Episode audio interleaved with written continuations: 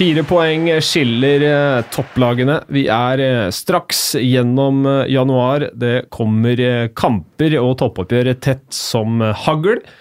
Vi nærmer oss sluttspillet, hockeyens høytid. Så i dag så tenkte jeg at vi skulle ta og leke oss litt med tanken om hvem som eventuelt kan møtes i sluttspillet, og hvordan disse lagene eventuelt matcher hverandre.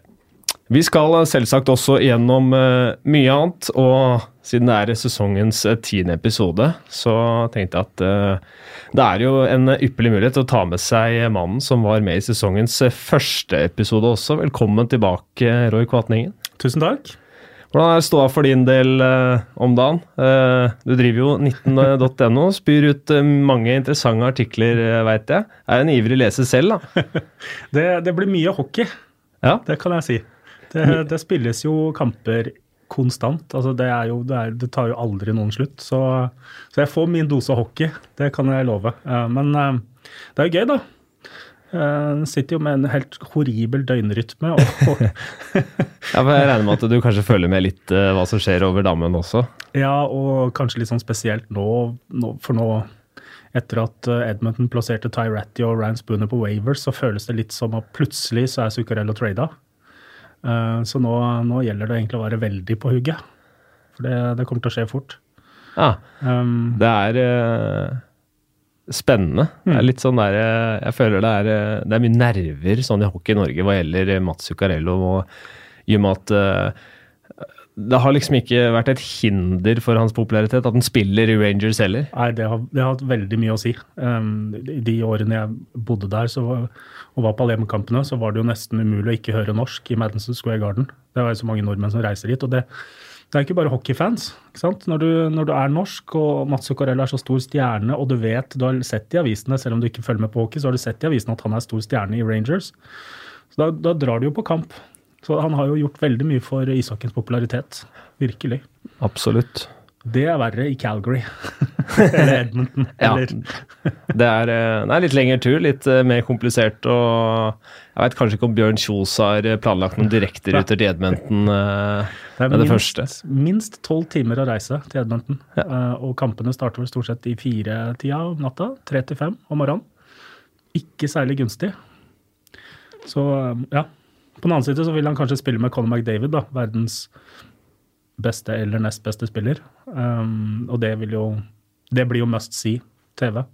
Det, det er helt uh, sikkert. Uh, kanskje en god mulighet sånn uh, til å stå opp tidligere for enkelte. da, Få med seg kanskje i hvert fall siste periode. Nesten litt sånn enklere å balansere døgnrytmen på den hvis du skal stå opp grytidlig og legge deg altfor, altfor seint. Mener du at jeg står opp sent? Når jeg står opp sånn 12.30, 13.30? Nei, uh, sent er vel relativt med tanke på hva man bruker uh, tida si på på natterstider. Uh, vi kan jo høre med en annen her. Jeg har jo fått med meg en gjest til. Vetle Dahlberg, velkommen skal du være til Hockeyprat. Takk for det. Veldig hyggelig å ha deg med. Vi kan jo egentlig bare fortsette der vi slapp, egentlig, med, med døgnrytmer osv. Du er jo ganske NHL-punch du også, så vidt jeg har forstått. Det er jeg. Det blir, eh, det blir, noen matcher. I fjor så var jeg vel 77 eh, av 82 i grunnseriekamp for Toronto, så jeg er jo jeg, jeg punch, jeg òg. Det er sterkt. Eh, har du trua på Maple Leafs-sesongen her? Jeg hadde det. Jeg har jo det fortsatt, for så vidt. Alle lag har dårlige perioder. Når du spiller 82 matcher, så, så, så er det tøft for alle lag, det. De er i en litt dårlig periode nå, men, eh, men, det er klart at med, med den eh, de, de, ti beste forwardsa der er jo kanskje de ti beste, eller Jeg tror ikke det er noen lag som, som har bedre topp top eh, ti enn det. Så, så, det er muligheter der, altså. Du har jo først og fremst en spennende rolle sånn yrkesmessig akkurat nå. Sportslig leder i Grüner. Du må jo fortelle litt om, litt om rollene, hvordan du havna der, egentlig? Eh, jo, jeg eh, jo eh, studerte idrettsvitenskap. da. Jeg har alltid jeg vokst opp i en ishockeyhall. ishockeihall. Uh, MS-gutt. Uh, er du god til å kaste, så har jeg vokst opp et steinkast unna ishallen. Så vært der og spilt og holdt på. sleit mye med skader opp igjennom, og det tæra både på kropp og motivasjon. så etter nok hjernerystelser og andre skader, så ble skøytene på hylla, og så ble jeg trener istedenfor. Så var jeg trener i Manglerudstad i noen år. Hadde aldersbestemte lag der. Uh, Syntes det var veldig gøy. Uh, følte at det var noe jeg, noe jeg trivdes med og hadde lyst til å fortsette med, så da uh, pakka jeg bagen og dro opp til Trondheim og studerte idrettsvitenskap der. Uh, skrev bacheloroppgave om talent og ferdighetsutvikling i norsk uh, ishockey mens jeg jobba i Nidaros uh, og på Strinda topphockey der. Og så, når jeg flytta, skulle hjem igjen, så kom Gryne på banen og prata med meg, og de hadde et Ja, det, det virka spennende, da. Komme dit og ikke bare være trener, på en måte, men gjøre litt annet òg. Få, få, få, litt eh, bredere perspektiv på ting og få jobba fra en litt annen vinkel enn bare å jobbe med en spillergruppe. Men prøve ja. å jobbe med en, med en hel klubb, da. Ja. Så, så var det sånn jeg endte der. Eh, prøver å, prøver å få Gryner til å, til å kunne At man, man, skal kunne være Gryner òg, da. Som ung og ambisiøs man må på en måte ikke flytte på seg når man er 11-12-13 eh, år. Det syns jeg er litt dumt. At, eh, at, man også skal kunne bli, bli en flink ishockeyspiller i Gryner, er, er, jo drømmen. Da. da regner jeg med at eh, du, du, må jo tørre å sette noen krav sånn internt i klubben også. Kanskje kan være litt vanskelig når man er såpass ung. Du er 93-modell. Ja? Stemmer. Eh, så det, det, er klart at eh, men det, det sånn, syns jeg alltid på en måte har vært litt sånn vanskelig i hockeyen. da. Fordi de aller aller fleste jobber på dugnad òg. Så det er litt sånn vanskelig hvor store krav kan du stille til noen som jobber på dugnad. da.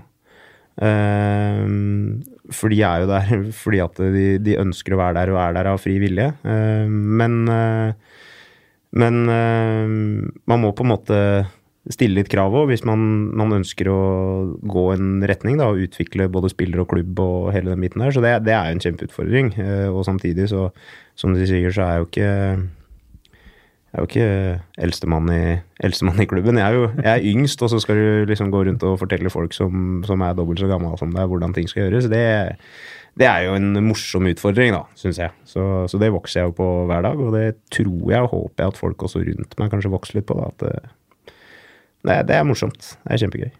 Kan jeg skyte inn et spørsmål der, da? da Skyt inn. Da er jeg veldig nysgjerrig på hva du tenker om uh, Cecilie Olsen, som er så ung og kvinne i Manglerud Hvilke utfordringer er det hun møter der, tror du? Uh, først og fremst så syns jeg det er utrolig gøy, da. Uh, igjen, det er jo kult at man, man velger, å, velger, å, se på liksom litt nye løsninger rundt omkring.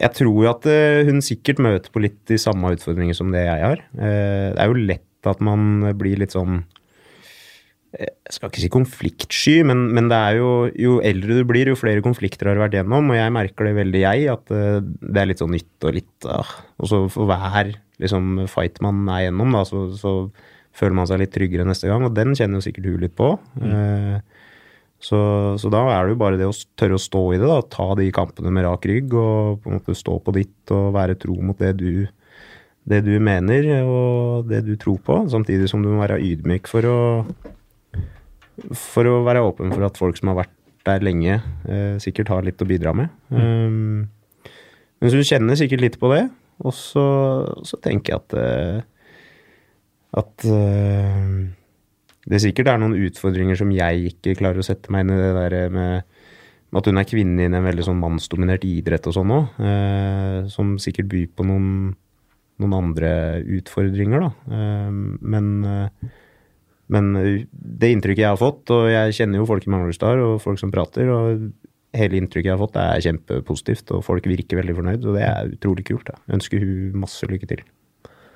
Ja, det starta vel med at hun kom inn i klubben, bidrar litt på sosiale medier, og så blir, blir, det vel sånn at man får, egentlig bare får flere og flere oppgaver for hver match man, man er med på, nesten. Um, men for å, for å, ta litt din posisjon eh, og, og situasjon litt mer sånn konkret, da er det noen gjenganger i, altså i ja, hva skal man si, utfordringer eller hindre du møter på, sånn som du eh, er nødt til å, å, løse og takle? Kan du gi oss noen eksempler? Vi skal kanskje ikke nevne noen navn, men eh, noen situasjoner?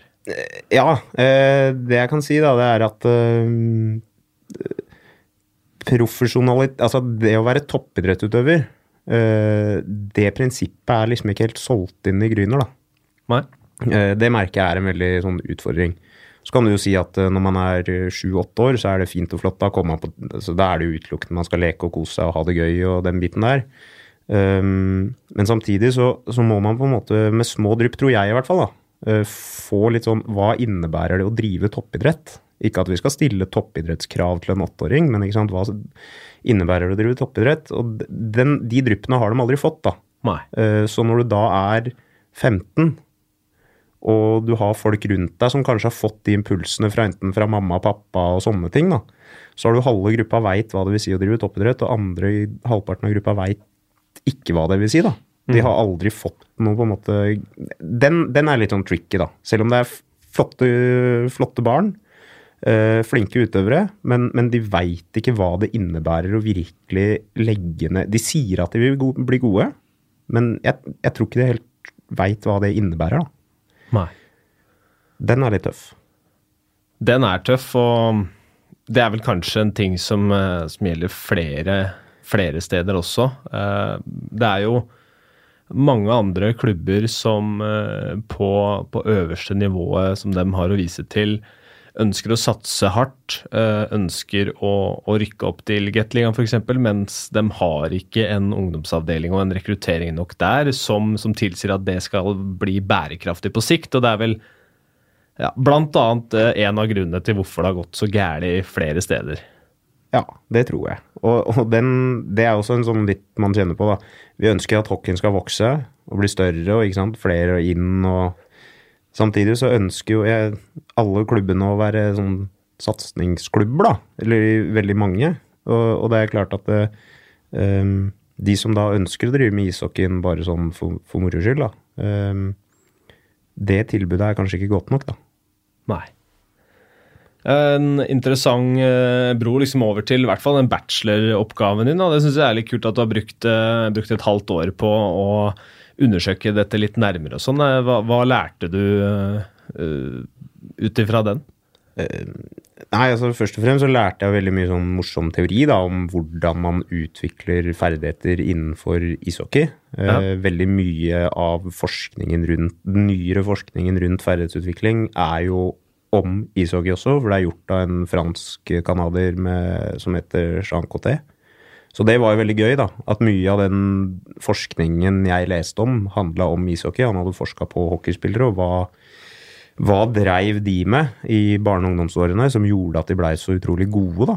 Eh, når de nådde toppnivå. Eh, så det, jeg leste jo veldig mye forskning, eh, samtidig som jeg reiste rundt og prata med forskjellige trenere da, rundt i klubber og hørte hva er det dere gjør. Eh, hvordan er det dere jobber med spillere? Hvordan er det dere ser på dette med talent? Ikke sant? Hva er et talent for deg? Hvordan mener du at et talent skal utvikle ferdigheter og ditt og datt? Og så så satt jeg da på en måte det de norske ishockeytrenerne da, i juniorklubbene eh, rundt om i landet, hva de sa, eh, og satt det opp mot, eh, mot forskjellig forskning på feltet, da. Og så på en måte hvor godt er det Norge treffer, da, i forhold til den forskningen som ligger ute, ikke sant. Eh, og det, det var veldig interessant, altså. Det var eh, kjempegøy. Eh, Og vi, vi er jo flinke på mye, og så er det jo noen ting vi selvfølgelig kan jobbe mer med, da. Og det Men, men det var veldig interessant, og fikk på en måte da sett også litt hvordan man jobber rundt om i klubber da, med å utvikle talenter. Et spørsmål der. eh, Mats Zuccarello sa jo før jul at eh, han mener at barn bør eh, ha mer lek i, eh, i aktivitetene sine, og også holde på med flere idretter. Og han sa at mange av de største spillerne han har spilt med, har drevet med flere idretter. Hva sier forskningen? Hva, hva fant du? Det støtter jo veldig opp under det jeg finner òg, da. Sånn jeg har alltid prøvd å fornorske det litt, da, gjøre det litt sånn greit forståelig. Og du kan tenke deg at si du er født eh, som en uh, halvlitersflaske, da. Uh, en tom halvlitersflaske. Og så driver du veldig mye spesifikt med én idrett, så vil du fylle den flaska med da vann, f.eks. Um, mens hvis du driver med andre idretter, så vil du fylle flaska kort mindre Det vil ta lengre tid å fylle den med vann, da. Men samtidig så vil du gjøre flaska større. Så Så hvis du driver med mange andre idretter rundt, da, så vil du kanskje gå fra å ha en halvliterflaske til å ha en halvannenliterflaske. Men du har kanskje bare 3 dl vann oppi den, da. Mens de andre rundt deg har da 5 dl vann, men de har bare 5 dl stor flaske. Eh, så du vil da kanskje være lenger unna de når du er 12-13, for du har drevet med mye annet, da. Mens de har drevet bare masse med hockey og fylt den flaska veldig fort. Men du har samtidig da et større potensial, da, for du har mer tomrom igjen i flaska vil fylle. Og da er det jo det å gi, man, gi disse muligheten da, til å fortsette å fylle denne flaska, sakte, mm. men sikkert. ikke sant? Så det støtter jo veldig opp under det, det Zuccarello sier der. da. Interessant. Ja, veldig interessant. Um, er det noe Nå har du kanskje, altså siden du har uh, undersøkt dette i Norge um, Fant du noe som kan tilsi den der norm altså i alderen når man mister litt sånn traction og følge til f.eks. naboene våre, da, som, som, drar litt fra oss når det gjelder spillerutvikling? Ja, Tenker du frafallet, på en måte? eller? Nei, litt mer sånn der når den nivåforskjellen på unga oppstår, og hvorfor det oppstår. Har det her en sammenheng, eller? Ja, eh, vi, for det første er vi jo færre, da tenker ja, jeg. Så, så, det er klart, har du, har du 1000 spillere, så er sannsynligheten for at det blir noen gode ti ganger så stor som hvis du har 100 spillere. Eh, ja. Hvis du Sånn rent matematisk, på en måte. Men, men, jeg tror jo også at eh, For når jeg har titta sånn som eh, Jeg titta gått mye på canadisk forskning, da. Og det jeg fant der, er at der driver de veldig ofte med flere ting lenger. Og da holder vi nivået deres ganske lenge, ikke sant. Så vi fyller den flaska vår ganske fort. Mm. Men så er flaska vår full da, når vi er 15-16, ikke sant? fordi at vi har bare spilt ishockey. Mm. Uh, og da har vi ikke noe mer Flaska er full. Mm. Mens de andre da har gått fra en halvannenliter, nei, en halvlitersflaske til en halvannenlitersflaske. Og har da masse volum å fylle da, fortsatt. ikke sant? Så, så, uh, så jeg tror jo at mye ligger der, da. Ja. Uh, fordi det er jo veldig ofte i sånn 15-16-årsalder. Vi henger jo, Jeg husker jo det sjøl når jeg var på cuper i Sverige og sånn. Vi gjorde det veldig bra når vi var veldig små. ikke sant? 12-13 år og dro til Sverige og slo Ferjestad for Ørlunda. Vi var jo på høyde med det, alle de lagene der. Og så, og så stopper det etter hvert, da. Uh, og litt er selvfølgelig med antall spillere og den biten der, men jeg tror også mye av det er at vi spesialiserer veldig tidlig da, og fyller den flaska veldig fort. Mm. Det, det, er jo litt gøy å, å trekke parallellene tilbake til uh, da Vålerenga ble bohemklubben med Terje Hengeren og Hengerud, eh, Hellerud og osv. De spilte jo fotball om sommeren og hockey om vinteren. Og har, jeg har i hvert fall alltid tenkt at det er utrolig imponerende å være god i to forskjellige ting. Og, og, og de, de, var vel ikke så mange landslag som spilte, men kom de ikke på fjerdeplass i et OL eller noe sånt noe på 30-tallet? Eh, et eller annet sånt. Jeg vet ikke. Men jeg har alltid tenkt at det er veldig imponerende at de klarer å være gode begge deler. Men kanskje det er pga. det at de har blitt så gode? Ikke sant. Jeg, jeg tror Som når du ser på um, Ser over på NHL, da, de, de, som er aller best. ikke sant? Tavares spilte jo lacrosse da han var 15. Mm. Uh, Uh, jeg er veldig Toronto-fan, så jeg, Matthew spilte baseball til han var 16, tror jeg det var. Ikke, så, så, de har jo holdt på med andre ting veldig lenge, da. Ja, og det er jo ting man uh, veldig ofte hører om folk som slår igjennom uh, i lagidretter også. Uh, kanskje hockeyspillerne som ligger meg nærmest, da, men du hører veldig ofte om ja, han kunne blitt uh, minst like god i fotball. Ikke sant? den har jeg hørt ofte om uh, bl.a. Zuccarello. Da. Ja. Han mm. spilte jo Norway Cup-finale um, for Vålerenga sammen med Bondsaksen og flere andre. Lars Haugen Jeg husker ikke. Uh, men um, når jeg ser Zuccarello spille, så syns jeg det ser ut som spilleforståelsen hans er veldig fotballinspirert. Altså han, han, ser åpninger på banen som om det var en fotballbane. Uh, jeg syns spilleforståelsen hans skiller seg litt fra andre hockeyspillere. Uh, nei, og det, det, er jeg jo helt enig i, da. Uh, og det er på en måte det der å drive andre lagidretter, da. Uh, hvis jeg går til høyre, så skaper jeg rom til venstre. Uh, løper jeg framover, så blir det plass bak meg. ikke sant? Jeg er raskere enn han, så han kan jeg prøve å løpe fra. Så kommer du ut på isen, så kan du overføre det til jeg er raskere enn han, så han kan jeg skate fra. ikke sant? Så, så, det er jo en veldig sånn overføringsverdi der, da. Så tror jeg altså det kan gjøre noe med motivasjonen. da. Du blir ikke lei like fort. Hvis du bare spiller hockey hver eneste dag, så så er det lett at uh, du har spilt noe hockey når du er 14-15. Men hvis du Jeg har en sånn tanke da at uh, når du legger deg på søndag, så skal du hele tiden tenke at uh, jeg skulle hatt én trening til denne uka her. Da har vi gjort noe riktig, da. Ikke åh, kunne godt trent en gang mindre. Da, da har det blitt for mye. ikke sant? Så det, det er det å holde den lysten òg, da. Det er veldig interessant, eh, det her. eh, Vetle, det er det absolutt. Det er bare, Siden vi toucha så vidt innpå det, så mener jeg bare eh, For det har ikke vært veldig mye Zuccarello-prat i den podkasten her, i og med at vi først og fremst skal fokusere på, på norsk ishockey. Men eh, jøsses, for, en, eh, for en spiller. Altså, nå er han vel eh, eh, europeeren med flest eh, målgivende pasninger i Rangers eh, noensinne. Var det, ikke, var det ikke den han tok eh, for noen dager siden? Ja. Ja. Og det er altså et Original Six-lag som har spilt uh, så lenge NHL har eksistert. Det er jo egentlig helt latterlig hvor, eh, hvordan han markerer seg der. Det er helt eh, Det er helt utrolig. Jeg, jeg, det er vanskelig å på en måte sette seg inn i hvor, hvor fantastisk det han gjør der borte, er, da. Og nå er han i form igjen og, og produserer poeng og er den dominerende spilleren. Og er den spilleren som gjør rekkekammeratene rekkekameratene bedre, sånn som vi er vant til å se han.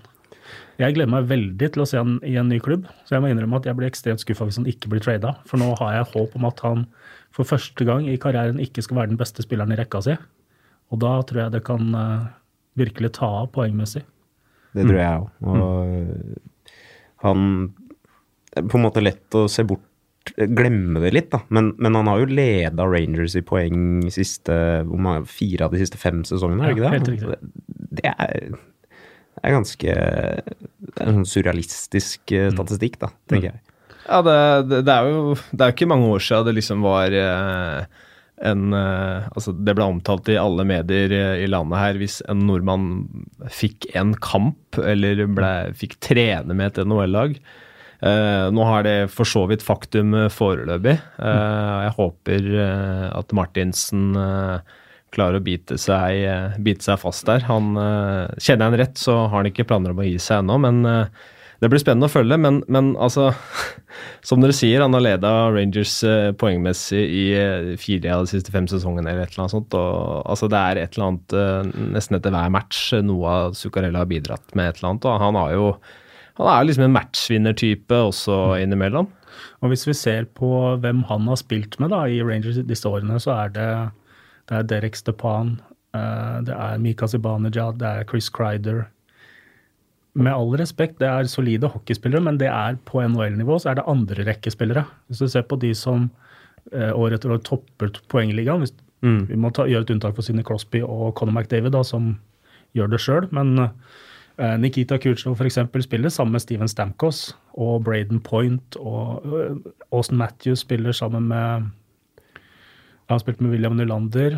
Um, han gjør vel en del alene, han også, faktisk. Ja, uh, Nylander har ikke vært så god i år, men, eh, men han har jo lekekamerater, på en måte. Ja, og ikke minst i Powerplay. Ja. uh, Mitch Marner spiller sammen med John Tavares, uh, kanskje Matthews nå framover. Det er stort sett, De som er i toppen av poenglinja, har stort sett ekstremt gode rekkekamerater også. Mm. Zuccarello har aldri hatt det. Nei. Se, se, altså Rick Nash var en veldig god spiller en gang, men ikke da, ikke, ikke, ja, kanskje først andre år i Rangers skåra han 42 mål eller noe sånt. Eh, Men etter det så var han jo preget av alle hjernerystelsene. Så Det, er liksom, det, er, det har ikke vært verdensklassespillere. nei. Det er ikke, det er ikke topp, topp, topp spillere. eh, og, Og ikke på backsiden heller. Nei. Og det er ganske viktig for, en produks for produksjonen til en forward. og Se det på, som se på Vålerenga, som har Espeland. ja. Og det som er litt sånn kult med han Zuccarello, syns jeg, da, det er jo at eh, han, han er ikke bare en sånn lirare. Selv om eh, det er veldig mange som tenker på han som det. Men altså, han, han spiller undertall, han spiller powerplay, han spiller fem mot fem, og han, han, han er jo en litt sånn uh, treners uh, spill, coaches player òg, da. For han, Ja, ja. kriger jo, ikke sant. Ja. Du ser at han, han elsker å spille ishockey, altså. Og det, det syns jeg er gøy, da. Mm. At, mm. han er jo Han er jo et arbeidsjern ut av, ut av, tatt rett ut av læreboka, samtidig som han har de der eksepsjonelle ferdighetene. da. Og så bruker han fritiden til å hjelpe barn i Norge og utlandet.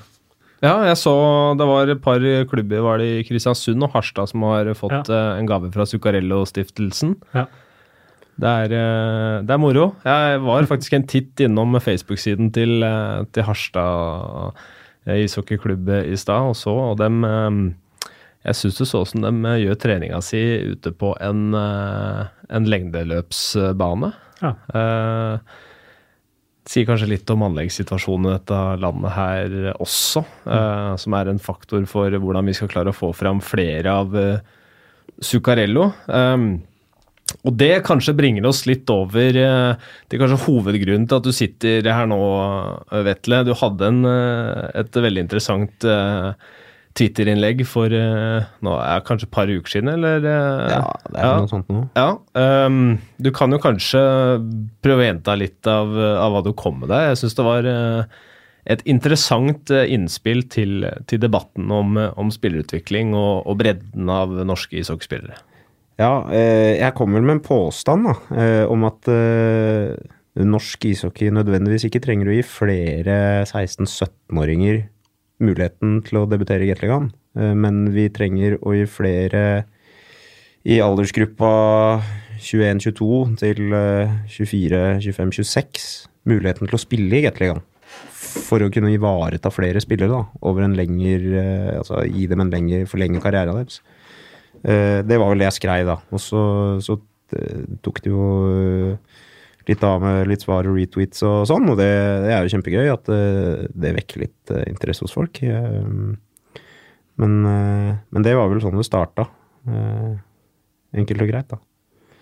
Så fulgte du opp med, med ganske god argumentasjon også. Jeg har jo tidligere tenkt at eh, det er bra å, å få gi 16-17-åringer istid i Gateligaen og, og gi dem å smake på nivået osv.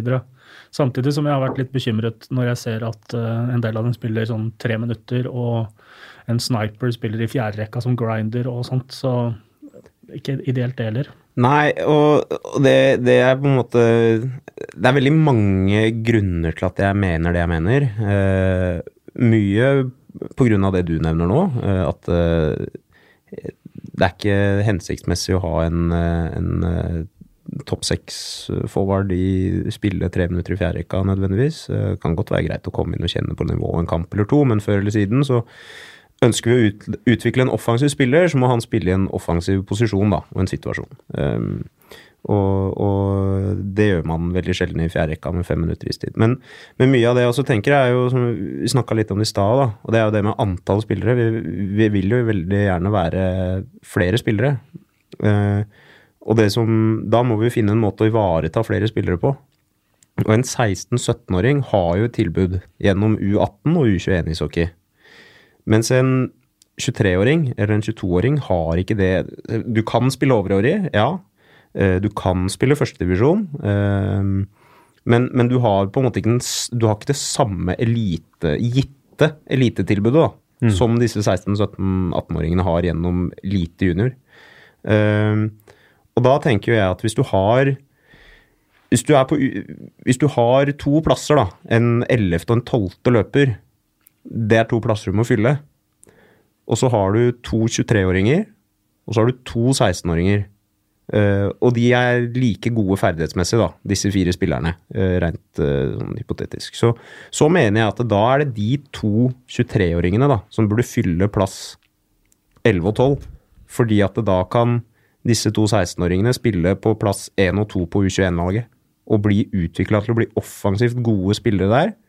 Og lære seg å spille overtallsspill. De kan lære seg å kjenne på det at nå er, nå, nå er matchen nå er det 2-1. Vi skal ut på, nå skal vi ikke slippe inn. Vi skal ikke score more. Vi skal, vi, vi, vi skal bare holde 2-1. Vi skal vinne matchen. Eller nå må vi ha et mål. De kan kjenne på det å være superstjerner, da, for å si det sånn. Eh, Samtidig som vi, vi gir et tilbud til disse da eh, disse to 23-åringene da, som ikke slutter. Og, og så er det jo da igjen, hvis du vil det videre på dette med ferdighetsutvikling, da. Du er ikke ferdig utvikla veldig ofte når du er 23 år. Så hva, med, hva som kommer til å skje med de to 23-åringene om to-tre år, det er det ingen som veit. Men vi veit at den blir ikke noe bedre hvis de slutter, i hvert fall. Men kanskje det da kan bli to potensielle topp seks forwards i et eh, medium Gateliga-lag, da. Som kan spille der til de kanskje er 30. Og da snakker vi om at da begynner vi å få bredde, ikke sant? Og da begynner vi å få flere spillere. Ehm, så, så det er jo Det er på en måte en side at eh, da, da gir vi et tilbud til flere. Eh, og så, ehm, Samtidig som hvis du flytter opp de to 16-åringene Nå skravler jeg fælt her, men hvis du flytter opp de to 16-åringene når de er 16, da, så har vi på Vi har gitt dem Gateligaen. Vi har gitt dem A-lag når de er 16. Når de da er 19 og fortsatt spiller i fjerderekka på A-laget, så er ikke det dårlig når de er 19. Det er kjempebra. Mm. Men, men for deres subjektive oppfatning da, av virkeligheten som hockeyspiller, er at de ikke har utvikla seg. Fordi at jeg er, på, jeg er i akkurat den samme rekka, på akkurat det samme laget, i akkurat den samme ligaen som jeg var for tre år siden. Og da, da er det jo lett å få en litt sånn knekk. Og da, fader, jeg har jobba og slitt og gitt jernet i tre år, og så har jeg ikke kommet noe videre.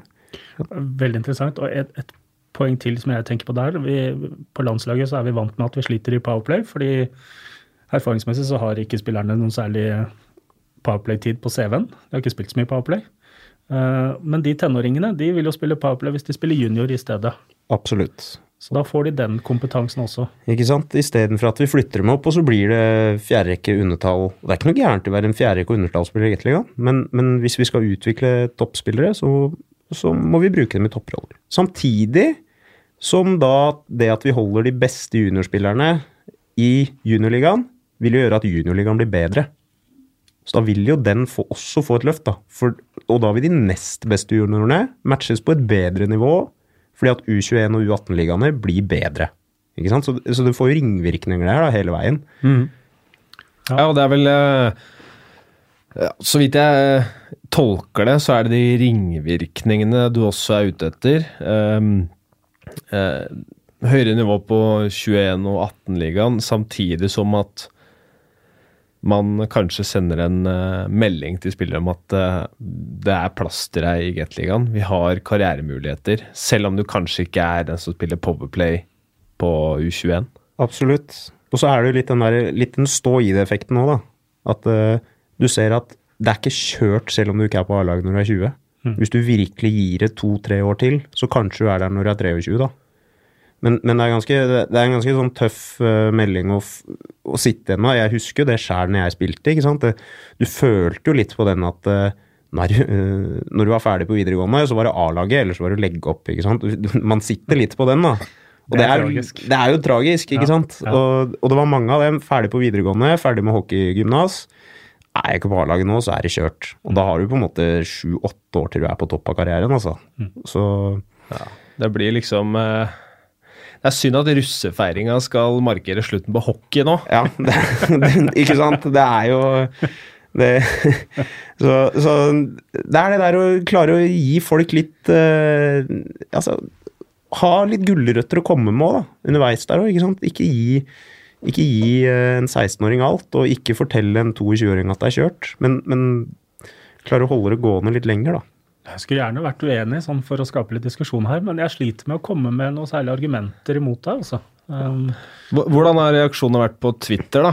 Uh. Nei, altså jeg har fått uh, mange som er enig, veldig mange som er enig, og så er det noen som har vært litt sånn skeptiske. Uh, saklig skeptiske, da. Det må jeg få legge til. Folk har vært veldig fine.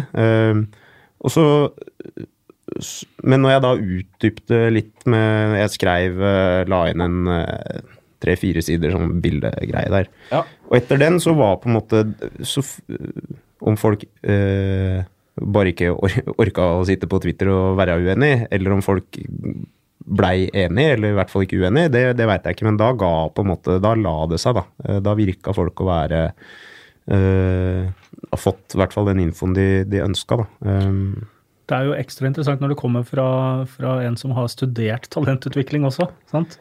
Du har Absolutt. Jo, det er jo ikke bare synsing her. Nei, eh, det er det jo ikke. Eh, jeg har jo jeg har lest noen sider om det her. helt sikkert mer enn de fleste som, eh, som uttaler seg på, på Twitter om sånt. Eh, jeg har jo ja, mange ganger denne sesongen her sittet og snakka om akkurat det her, men eh, jeg har ikke, ikke lest uh, mye om akkurat uh, den forskningen du, du henviser til, så du har, uh, har nok er bedre skodd for å snakke om dette enn det jeg er, altså. Du er punch hvis du har lest mer enn meg og ikke skrevet bachelor om det. Det er, det er punch. Det, det skal du ha. Eventuelt syk. Ja. Men, men en kan ikke en del av disse argumentene her brukes i diskusjonen om antall importspillere også?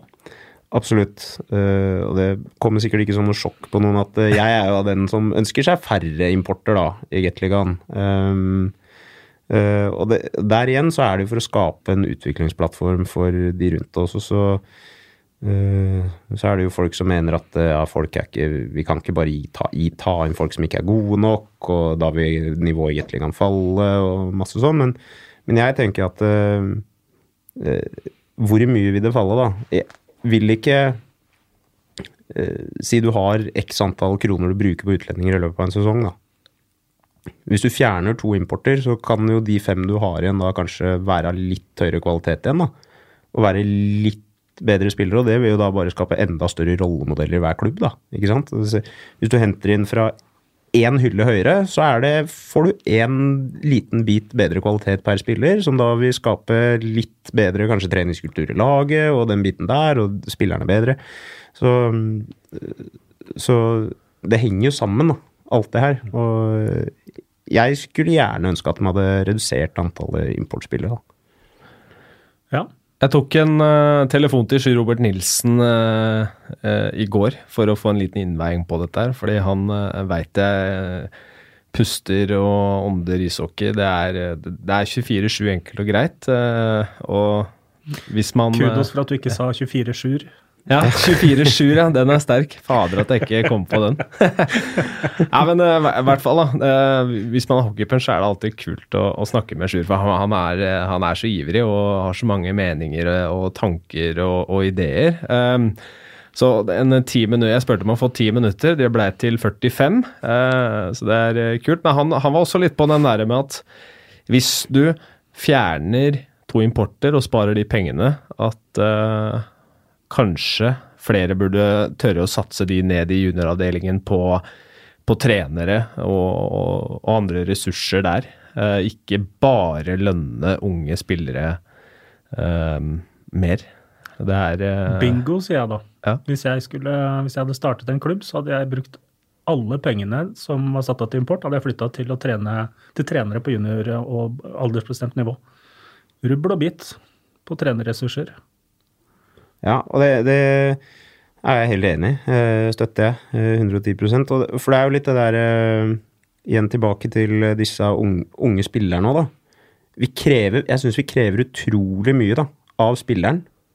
Men hva er det egentlig spilleren får tilbake, da? ikke sant? Det, er, det, det kommer jo til et punkt der hvor det ikke er så gøy å bo på promperommet og og eh, liksom eh, jobbe på aktivitetsskolen fordi du må trene på morgenen og kvelden og, og, de, og den biten der, da. Så, fordi at det du får tilbake er jo ikke nødvendigvis eh, gull og grønne skoger alltid. Men hvis vi da velger å investere, vi viser dem allerede fra de kommer opp som U18 eller U21-spillere, at det, her velger vi faktisk å prioritere å investere penger i deg. Mm. Og dette, denne juniorsatsinga, så er det lettere da å ta det ekstra året på, på, uh, på rommet der hvor du har vokst opp. Og, Ta det ekstra året hvor du, hvor du tjener, tjener, litt dårlig fordi du bare har deltidsjobb fordi du skal satse hockey, eller du bare tar noen studiepoeng fordi du skal satse hockey. Da må jo vi vise at vi prioriterer å bruke penger på spillerutvikling. da. Og med mer kompetente trenere så vil jo spillerne også kjenne en progresjon eh, lenger, som også i seg selv er motiverende. Absolutt. Det, det, blinker jo noen, eh, noen, små varsellamper eh, sånn egentlig rundt norsk ishockey hvis vi, vi, ser på landene vi å, har likt å sammenligne oss med, hva som skjer der, hva slags eh, spillere de eksporterer, spillere de har i andre europeiske ligaer, og hvor mange som eventuelt blir plukka opp av NHL-klubbene. Uh, her er jo selvfølgelig Danmark eh, et enkelt eksempel å trekke en eh, tråd til, som vi har alltid likt å sammenligne oss med. Eh, Sveits er bare å glemme, tenker jeg, fordi Et lite poeng på Danmark. Jeg er jo en gammel mann, så jeg husker jo den gang vi lo av Danmark i hockey. Ja. Vi sammenligna oss overhodet ikke med Danmark, det var å se ned. Så, så ja. ja. Nei, og jeg tenker jo at um, vi en utfordring da, som Norge har, som Danmark ikke har, som vi kanskje Jeg, synes, jeg liker ikke å si ordet unnskyldning, for man skal ikke bruke ting som unnskyldninger, men man kan bruke det kanskje med en forklaring innimellom, er jo at hvor mange vinteridretter konkurrerer ishockey med i Danmark kontra i Norge, da. Ja, det er et meget godt mm. eksempel. I Norge så går vi på ski, vi står på ski, vi sover gjerne på ski, ikke sant. Det er jo ski, ski, ski, og så har vi skøyter. Vi bygger vi... skihall på Lørenskog til tre milliarder. Fy Men- faen, unnskyld at jeg sier det Og det, er altså, jo men eh, bare ski på TV. Det er det ikke i Danmark. Ikke sant? Så, mens, mens i Danmark så, så er det jo ikke uh, Du skal være god til å smøre for å få gode ski i Danmark, ass. Så, så det er jo ikke, ikke sant? De har jo ikke så mange vinteridretter da, som konkurrerer. Du har ikke langrenn, skiskyting, skøyter, uh, alpint, aking og kunstløp. Kunstløp har de sikkert, da. Men, men, så det er jo færre konkurrenter, da. I hvert fall. Ja.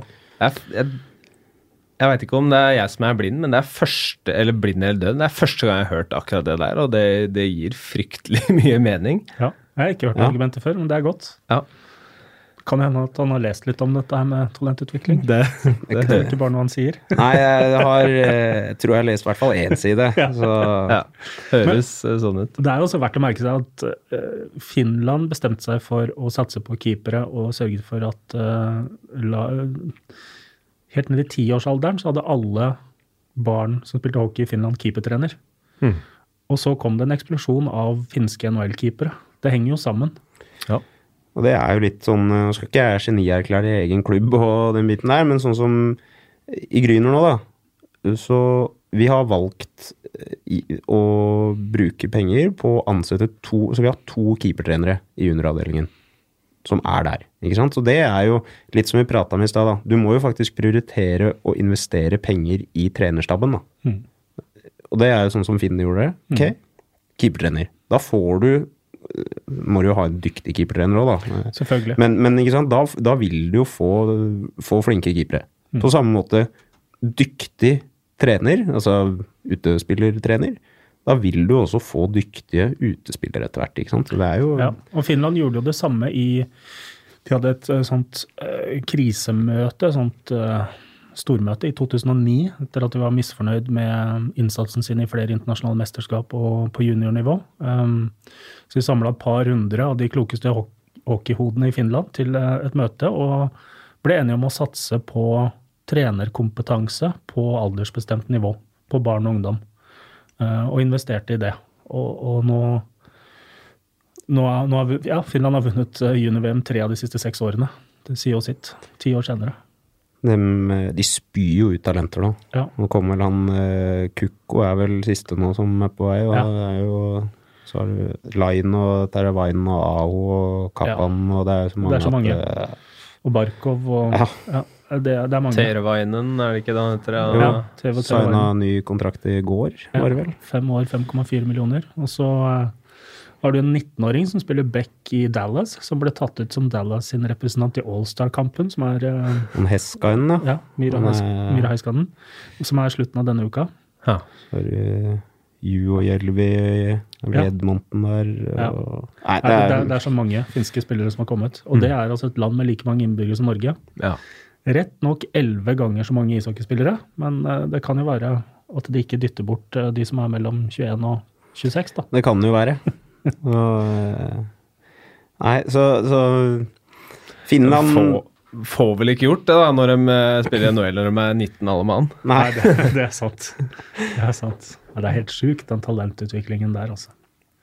ja, de, de har gjort noe riktig. Ja, Et, altså det, det må vi jo bare anerkjenne. Et eller, et eller annet har de gjort som jeg har, Ja. har klaffa for dem. Uh... og han som um, The Athletic, da, som er det beste journalistikknettstedet uansett fagfelt her i verden, etter min mening, de har intervjuet uh, Erko Erka Westerlund, som var hovedarkitekten bak det som skjedde i 2009.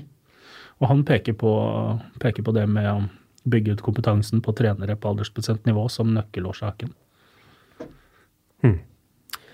Men eh, bygge kompetanse nedover, men eh, dere investerer jo ikke bare, bare i ungdomsavdelingen for eh, akkurat nå, Vetle. Dere gjør jo bra i Eller Gryner gjør bra i førstedivisjon. Eh, absolutt. Eh, vi har gjort det veldig bra med A-laget i år òg, eh, som jo er kjempegøy. Og, og det, det har vi på en måte som et mål og et ønske også, at vi eh, ikke nødvendigvis eh, på en måte skal eh, eh, skal vinne førstedivisjon hvert år, men vi ønsker å være konkurransedyktige i førstedivisjon. Og det har vi jo så til de grader vært i år, og det er jo veldig gøy, da. Eh, og eh, Eh, så det er morsomt å se at eh, det, det på en måte er noe vi har lyktes med i år, det også. Jeg tror jo at det er Det er litt ålreit for alle rundt å på en måte se at det, det, er litt morsomt for gutta, de, disse barna vi har, da, og ungdomsspillerne vi har i klubben nå.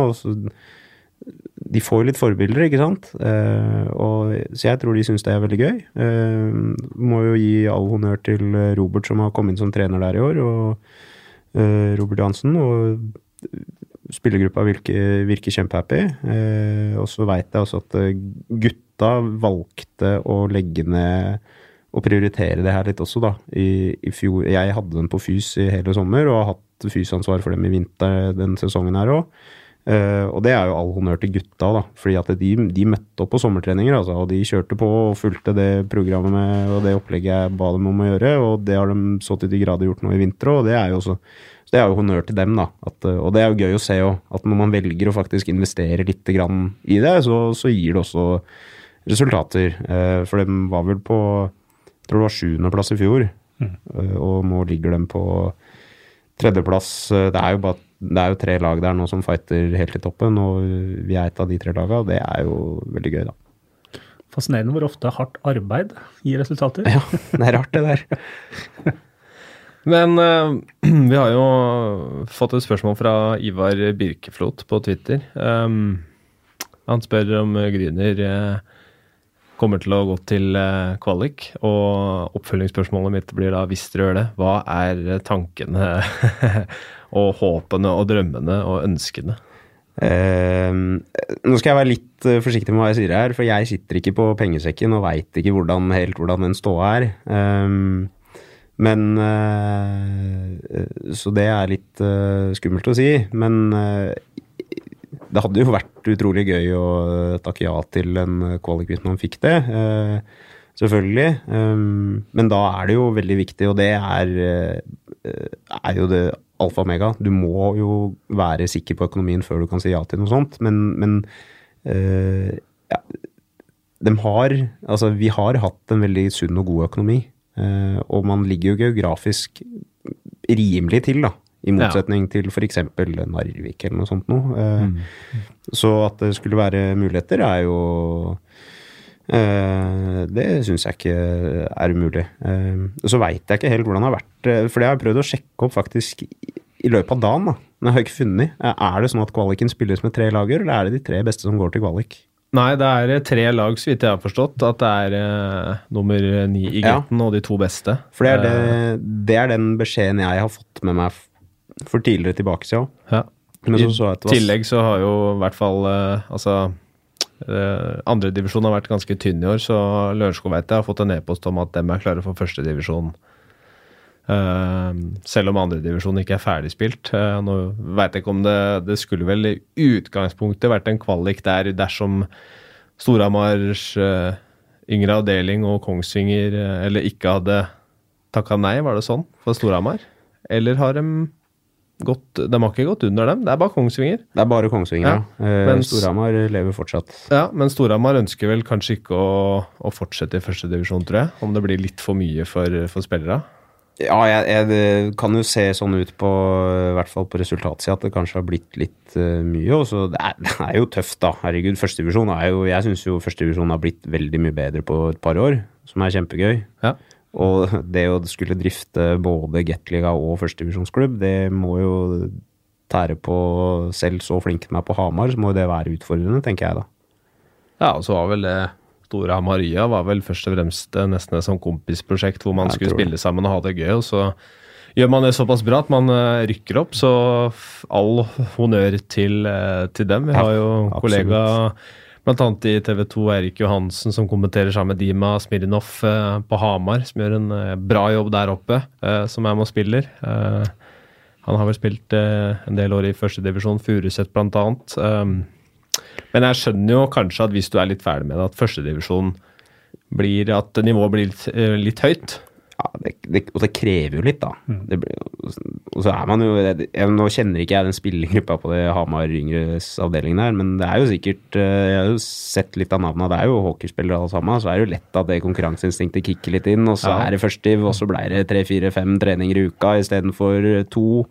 Så var vi plutselig på fem treninger i uka før vi visste ordet her, og to matcher, og så var det egentlig det du ga deg Det du la opp fra for et par år siden, var du midt rett tilbake, da. Så, Ja.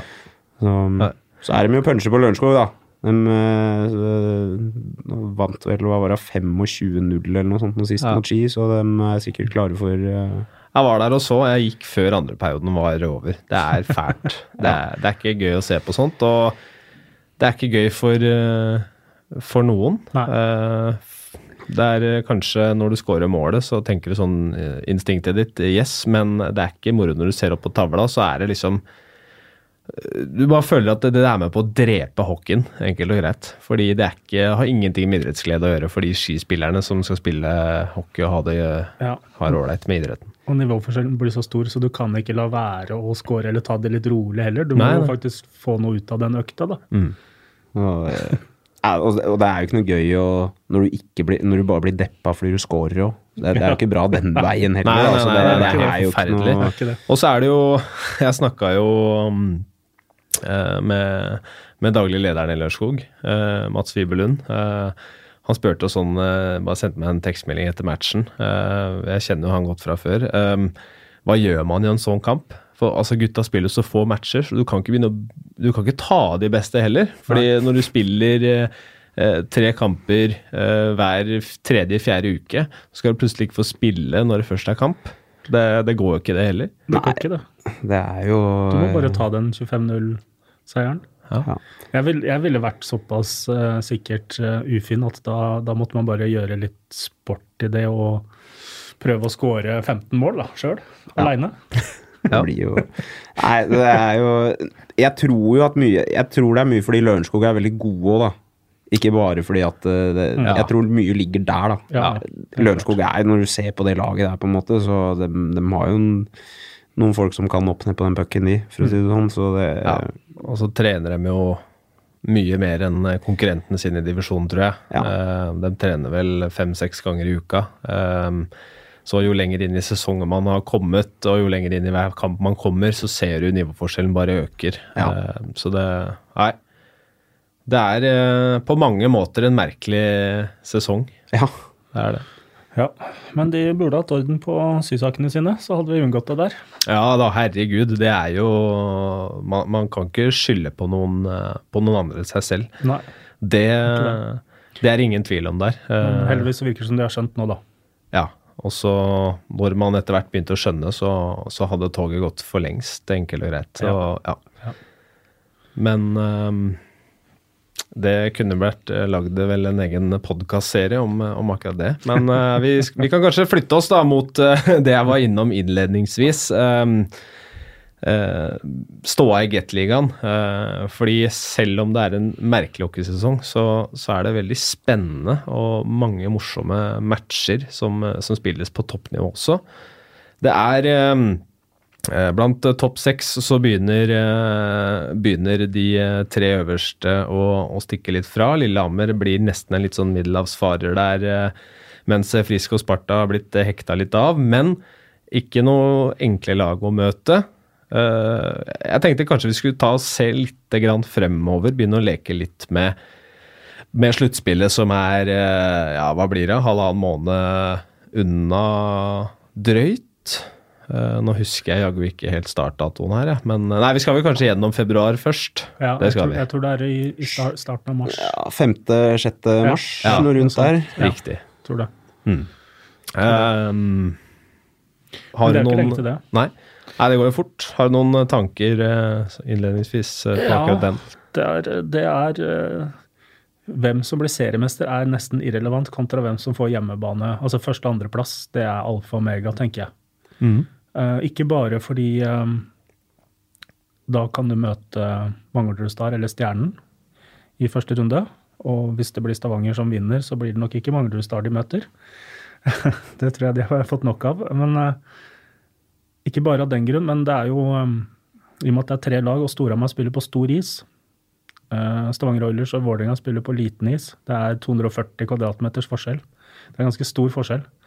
Eh, og før uh, Vålerenga vant på Hamar på søndag, så hadde jo hjemmelaget vunnet alle kampene. De to kampene mellom, eller mellom de to lagene. Så i, i sluttspillet så blir det ekstremt viktig å få hjemmebanefordel i, mm. uh, i finalen mm. og semifinalen. Spennende. Det blir uh, Det er alltid litt sånn ja, Noen liker det, andre liker det ikke. Det at man får lov til å velge. de som liker det, mener jo i hvert fall gjengangeren er jo at man, siden man f.eks. har vunnet, så har man gjort seg fortjent til muligheten å velge. Jeg vet ikke hva dere tenker om akkurat det. Om det, dere er mer fan av NHL-modellen hvor eh, lag én møter lag åtte, ferdig med det? Ikke noe fan av NHL-modellen i det hele tatt. Eh, det er vel ikke du som Toronto-fan heller, tenker jeg? Det er jeg ikke. Det er jo en grusom divisjon. Blir vel Boston i første runde, og det kan fort bli Exit i første runde. Det er grusomt lag å møte i sluttspill. Jeg husker, eh, apropos det, jeg husker den, eh, hva var det, sjuende matchen Uh, i, sluttspillet for noen år siden. Leda ikke Toronto 3-0 i den kampen òg? Toronto leda 3-0 og 4-1. Uh, eh, jeg husker ganske godt. Jeg var, da var jeg, mm, jeg var russ. Ja. Så jeg var ute, jeg husker det, Dette husker jeg veldig godt. Da var jeg ute på russebuss, og det var veldig gøy ute på den russebussen ganske lenge den kvelden. Før det ikke var så gøy lenger, da, når de slapp inn Gikk fra 4-1 til 4-4 på 12 minutter, og så tapte de i 80. Ja.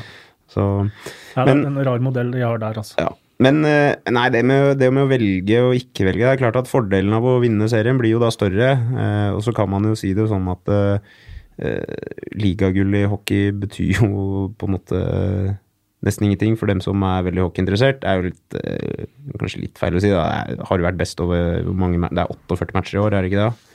Jo. 50? 48. 48? Ja. Sikker? Ja. ja. ja. Uh, så, så, 8 ganger 6. Ok. Ja. Men så er det jo best over 48 matcher, så betyr jo det noe. Eh, men, det, ja. men eh, ja.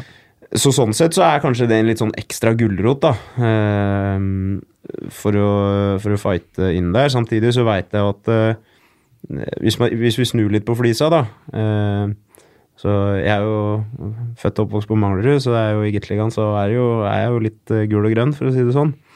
Hvis du fighter og kommer på sjuendeplass, og så blir du valgt av førsteplassen allikevel, så er det ganske surt, da. Ja. Så, men jeg har ikke Der skal jeg være såpass ærlig at jeg har ikke noe sånn Jeg er ikke noe veldig Jeg tror jeg kunne blitt argumentert til begge sider av den saken. Eh, jeg veit ikke med Ja. Jeg, jeg syns det er helt fint at, eh, at det, laget som vinner, får velge. Det skal være noe ekstra å vinne, så det syns jeg er helt greit. Ja. Jeg tenker en ting som kan bli litt interessant, er hvis Stavanger Oilers uh, føler seg eh, nesten tvunget til å Altså, hvis Si Vålerenga vinner, da. Eh, sånn som det står nå. Og at de velger Stjernen. Stavanger på andre kan da velge mellom MS og Sparta. Mm. ja. det, er, det, er, det er først og fremst ingen lag du har lyst til å velge. Og MS, det har ikke vært en enkel nøtt å knekke for Stavanger denne sesongen her heller. Nei. Så det, det MS har tatt poeng fra Stavanger eh, tre ganger i Stavanger? Eller tre ganger totalt? Nå ble jeg litt grann usikker, ja. men uh, Uansett, eh, Stavanger er nok ikke noe særlig gira på det. Nei. Det er stor forskjell for, for Oilers, så er det nok stor forskjell på å møte Manglerud Star og Stjernen. Jeg tenker sånn, ja, og, og for, for Stavangers del da, så er det jo ja, Nesten som at de burde håpe at eh, hvis de ikke vinner, så er det nesten som de burde håpe på tredjeplass, nesten. Ja. Så de ikke får slipper unna MS. men, men, for å spørre dere, da. Eh, hvis, hvis dere var sportssjef i Stavanger Oilers, og dere måtte ta valget mellom Sparta og, og Manglerud Star, og dere fikk ikke konsultere med noen i spillergruppa eller noe som helst, hvem hadde dere da valgt? Jeg hadde nok uh, valgt eh, MS. Jeg, jeg, hadde, jeg, hadde, ikke turt å velge Sparta, altså. Nei. Fordi øh, Får jeg mange uvenner når jeg kommer inn etterpå. men nei, men altså Manglerudstad er jo det er, det er, ikke noen dårlig lag i Gateligaen i år, og det er gøy. Men mm. jeg tenker sånn Av alle de topp seks-laga altså Jeg sier ikke at Sparta vinner Gateligaen, men Sparta kan vinne sluttspillet. Tror jeg. Altså, de seks beste laga jeg, jeg tror ikke at Sparta vinner, men, men jeg er ganske sikker på at Manglerstad og Stjernen ikke vinner, da. Ja. På en måte. Jeg hadde ikke turt å velge Sparta. Hvis Sparta, får, hvis Sparta kommer inn i flytsonen der i slutten av februar og er i en god sone, så er det ikke, ikke noe sjokk om Sparta går til semifinalen i år. Nei. Ikke sant? Nei, det, det er jeg helt, eh, helt enig i. De har vel Eh, ambisjon om det også. Ja, så, så jeg, hadde ikke, jeg hadde ikke turt å velge Sparta.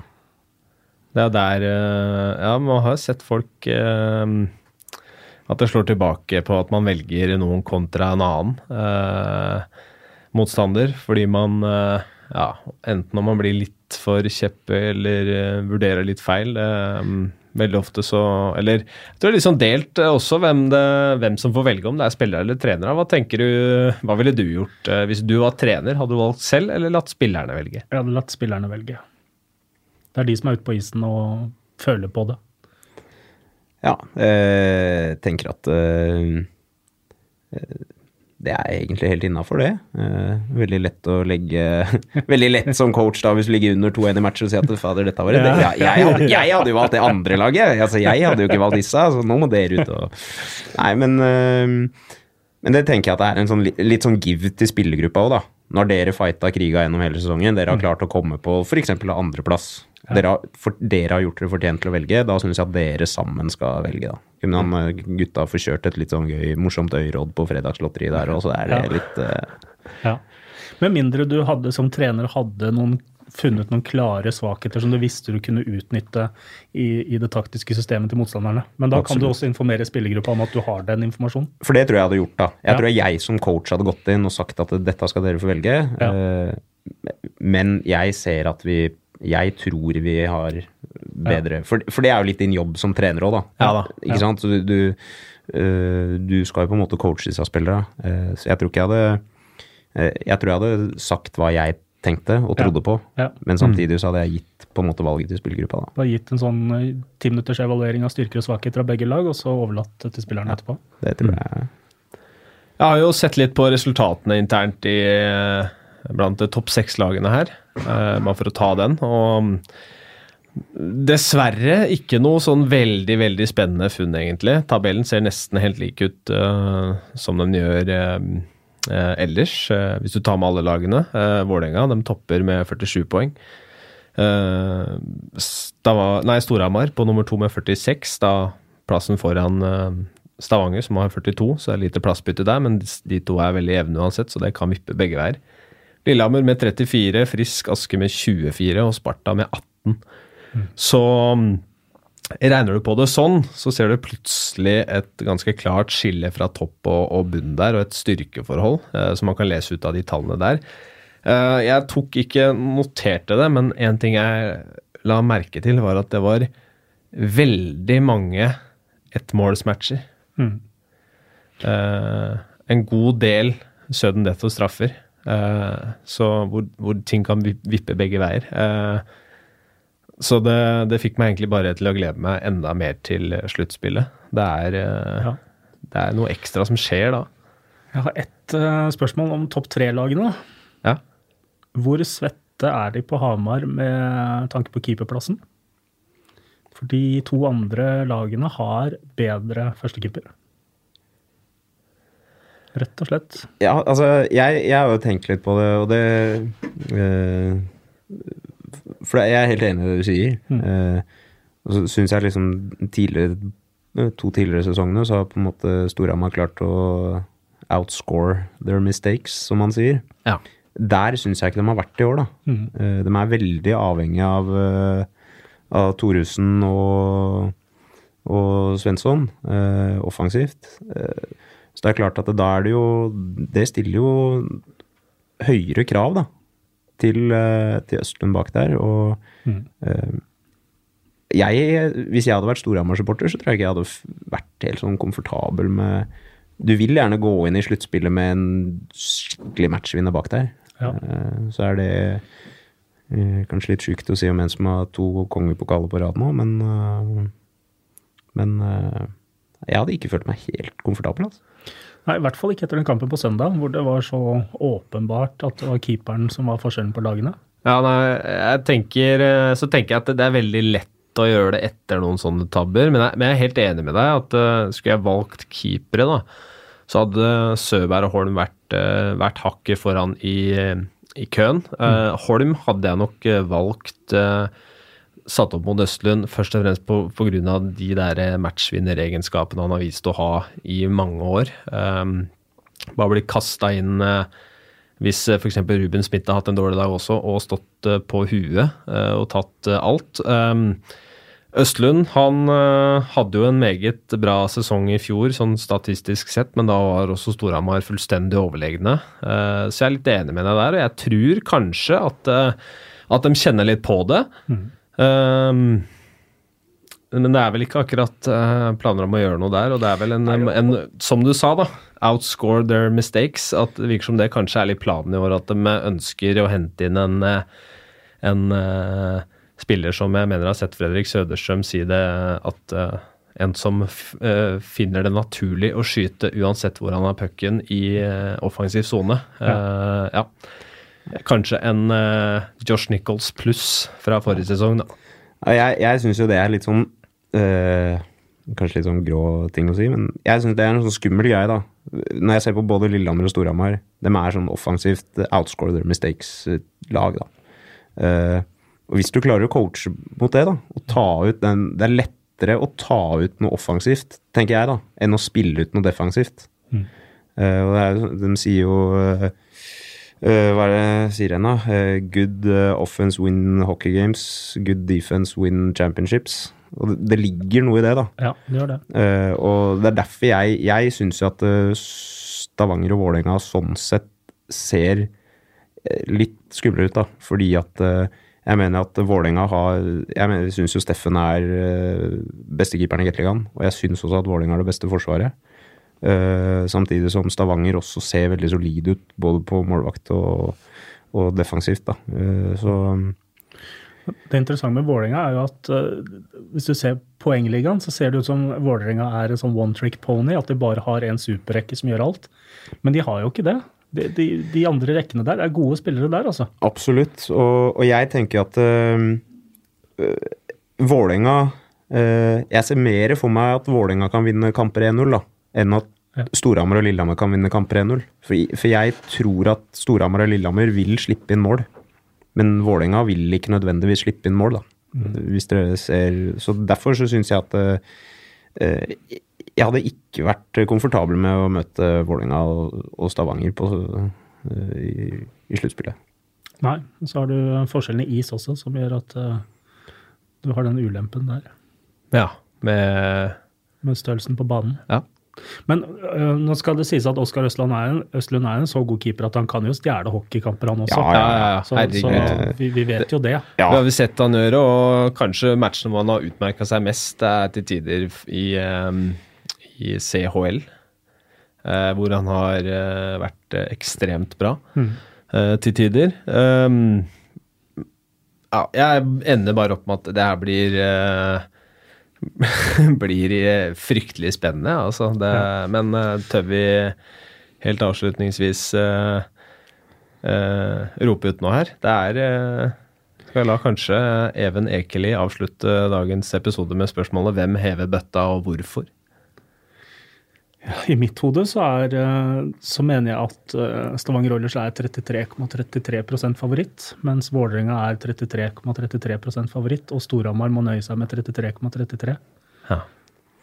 ja det, hvis det plutselig begynner Larivé og Jensen å putte opp uh, på skåringstavla, da er, er plutselig Storhamar favoritt. Og så Nei, jeg, jeg syns det er vanskelig. Jeg kan stille meg litt bak det, men jeg vil kanskje si uh, 35, 35, 30, da. 35 mm. til Vålerenga og Stavanger. 30 til Storhamar. Spennende. Ja. Jeg er spent på effekten av Kurt Davis, da. Den ja. langtidseffekten. Ja. For nå ser Powerplay mye bedre ut. Men uh, han er jo ikke akkurat uh, defensivt skodd i det hele tatt. Det er tøft å tippe mot Patrick Thoresen nå, da. Jeg må bare få slenge det, det på Jeg er helt enig. og det er, det er, et par enkeltspillere som er så ekstremt bra eh, om dagen. Eh, Thoresen er en av dem. Eh, vi får også kanskje nevne eh, Rasmus Alholm som eh, Matchen mot Storhamar på søndag var vel første kampen i 2019 hvor han gikk av isen med mindre enn tre poeng. Det er helt galskap, det. Ja, det er latterlig. Um, Da, da spiste han ikke nok ribbe i jula, tenker jeg. det, er, det, det er godt poeng. Eh, skal vi se, Han har 60 poeng nå på 38, 38 matcher. Eh, ligger, skal vi se her nå, an til 75 poeng. Ja. Eh, Når var det noen hadde så mye poeng sist? da? siste jeg klarer å huske som var uh, Abbott-gutta eller noe sånt? Nei, jeg med, hadde ikke uh, Larivé hadde Dahl, 70 et år. Dahl Andersen mener jeg hadde eh, Om det var 2-73 poeng for noen år siden. Ja. Eh, ja, det begynner å bli noen år siden nå. det. Om det var en Om det var eh, 2014-2015, tror jeg. Eh, Kanskje. Men eh, apropos Rasmus Alholm, som spiller i rekke med Tobias Lindstrøm Ja. og Martin Rønmark. Så har de Stefan Espeland på bekken. ja. Alle de kunne i teorien spilt sammen for Norge. Det er helt riktig. Jeg snakka med Rasmus Malholm, som var, eh, virka veldig åpen for å, for å gjøre en Tobias Lindstrøm-variant. Hva tenker du Eller hva tenker dere om det? Eh, den fornorskningen. Det er jo et uh, interessant tema, akkurat det også. Selvfølgelig, det er, for landslaget så er, vil det være bra at de er uh, Å få med bra spillere. For Vålerenga så vil det være bra å ha knallgode spillere som ikke tar opp en importplass. Eh, så er det også det der Det er ikke mange år siden vi hele Hockey-Norge satt og hata Kasakhstan fordi enkelte nordamerikanere hadde bytta statsborgerskap og kunne spille landslagshockey for dem. Nei, altså Jeg er jo litt der hvor uh, akkurat, akkurat det der det er ikke så, så farlig for meg, altså. Men, men jeg er mest opptatt av, litt tilbake til det vi prata om tidligere, tidligere her, at den daglige jobben vi gjør i klubbene med å ut... Jeg vil at vi skal ha masse gode, unge spillere å velge av i klubbene. Der er vi jo ikke den, den dag i dag. Da. Vi er ikke der vi ønsker. Så, så hvis det å holde seg A-pulla for A-landslaget vårt betyr at eh, Rasmus Alholm eh, og Tobias Lindstrøm eh, må spille der litt, så, så tenker jeg at da får det være en sånn nødløsning. da. Og så må vi heller se langt tilbake i rekkene og jobbe aktivt for at vi ikke trenger de spillerne om ti år til å bli norske, da. Ja, jeg, jeg tenker også at sam, hele verden forandrer seg, da. Landegrenser blir jo mindre og Ja, det mindre verdt med at, i, i takt med at informasjonsalderen uh, går videre. Så, så, så det er ikke så stor greie å bo i et annet land og på en måte bli en annen statsborger nå som det var for ti år siden, og i hvert fall ikke som det var for 20 år siden. Nei. Eh, Det er nå én ting. En annen ting er jo Rasmus Alom som selv flytta til Norge. Altså han ville jo til Norge for å studere. Og tilbød seg jo prøvespill, eh, han var på prøvespill i Stavanger før han havna i Manglerud Star. Eh, Han har norsk kjæreste, han har norsk utdannelse, han jobber, han har norsk jobb i DNB og har planer om å bli boende i Norge når hockeykarrieren er over. Så det, det er ganske norsk, det for meg, altså. Egentlig. Ja, så, så det er litt sånn Jeg husker du det var Dubai på håndball også. For uh, Ja, Qatar. Ja, Qatar var det. ja, ikke sant? riktig. Det er jo litt måten man gjør det på, da. Ja. Ja, ja, ja, ja. Aktiv rekruttering er én ting, ja. ja nei, jeg er helt enig. Når du går ut med sjekkheft og kjøper eh, landslagsspillere, da blir det litt feil. Men, men ikke sant. Rasmus Alholm han ser sikkert på seg selv som både svensk og norsk. Mm. Og da tenker jeg at det er helt legitimt at han, eh, han kan delta for Norge. Um, så det er litt måten det blir gjort på, da. Ja, jeg, jeg. mener det jo. Mm. Men, men eh, landslagssjef Petter Thoresen var, eh, virka ganske lunken.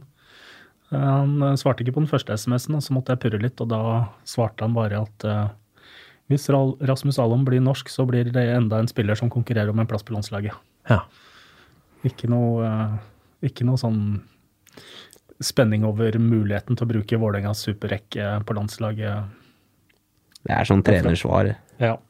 Og, og for så vidt fornuftig svar, for det, Ja, er, jo, du det er jo et potensielt minefelt. For det er jo mye sterke følelser rundt statsborgerskap og sånt der ute. Ja. Så, så klokt svar, for all del. Ikke, ikke nødvendigvis alltid det kloke svarene som gjør en sportsjournalist veldig begeistret, men eh, det er nå mitt problem.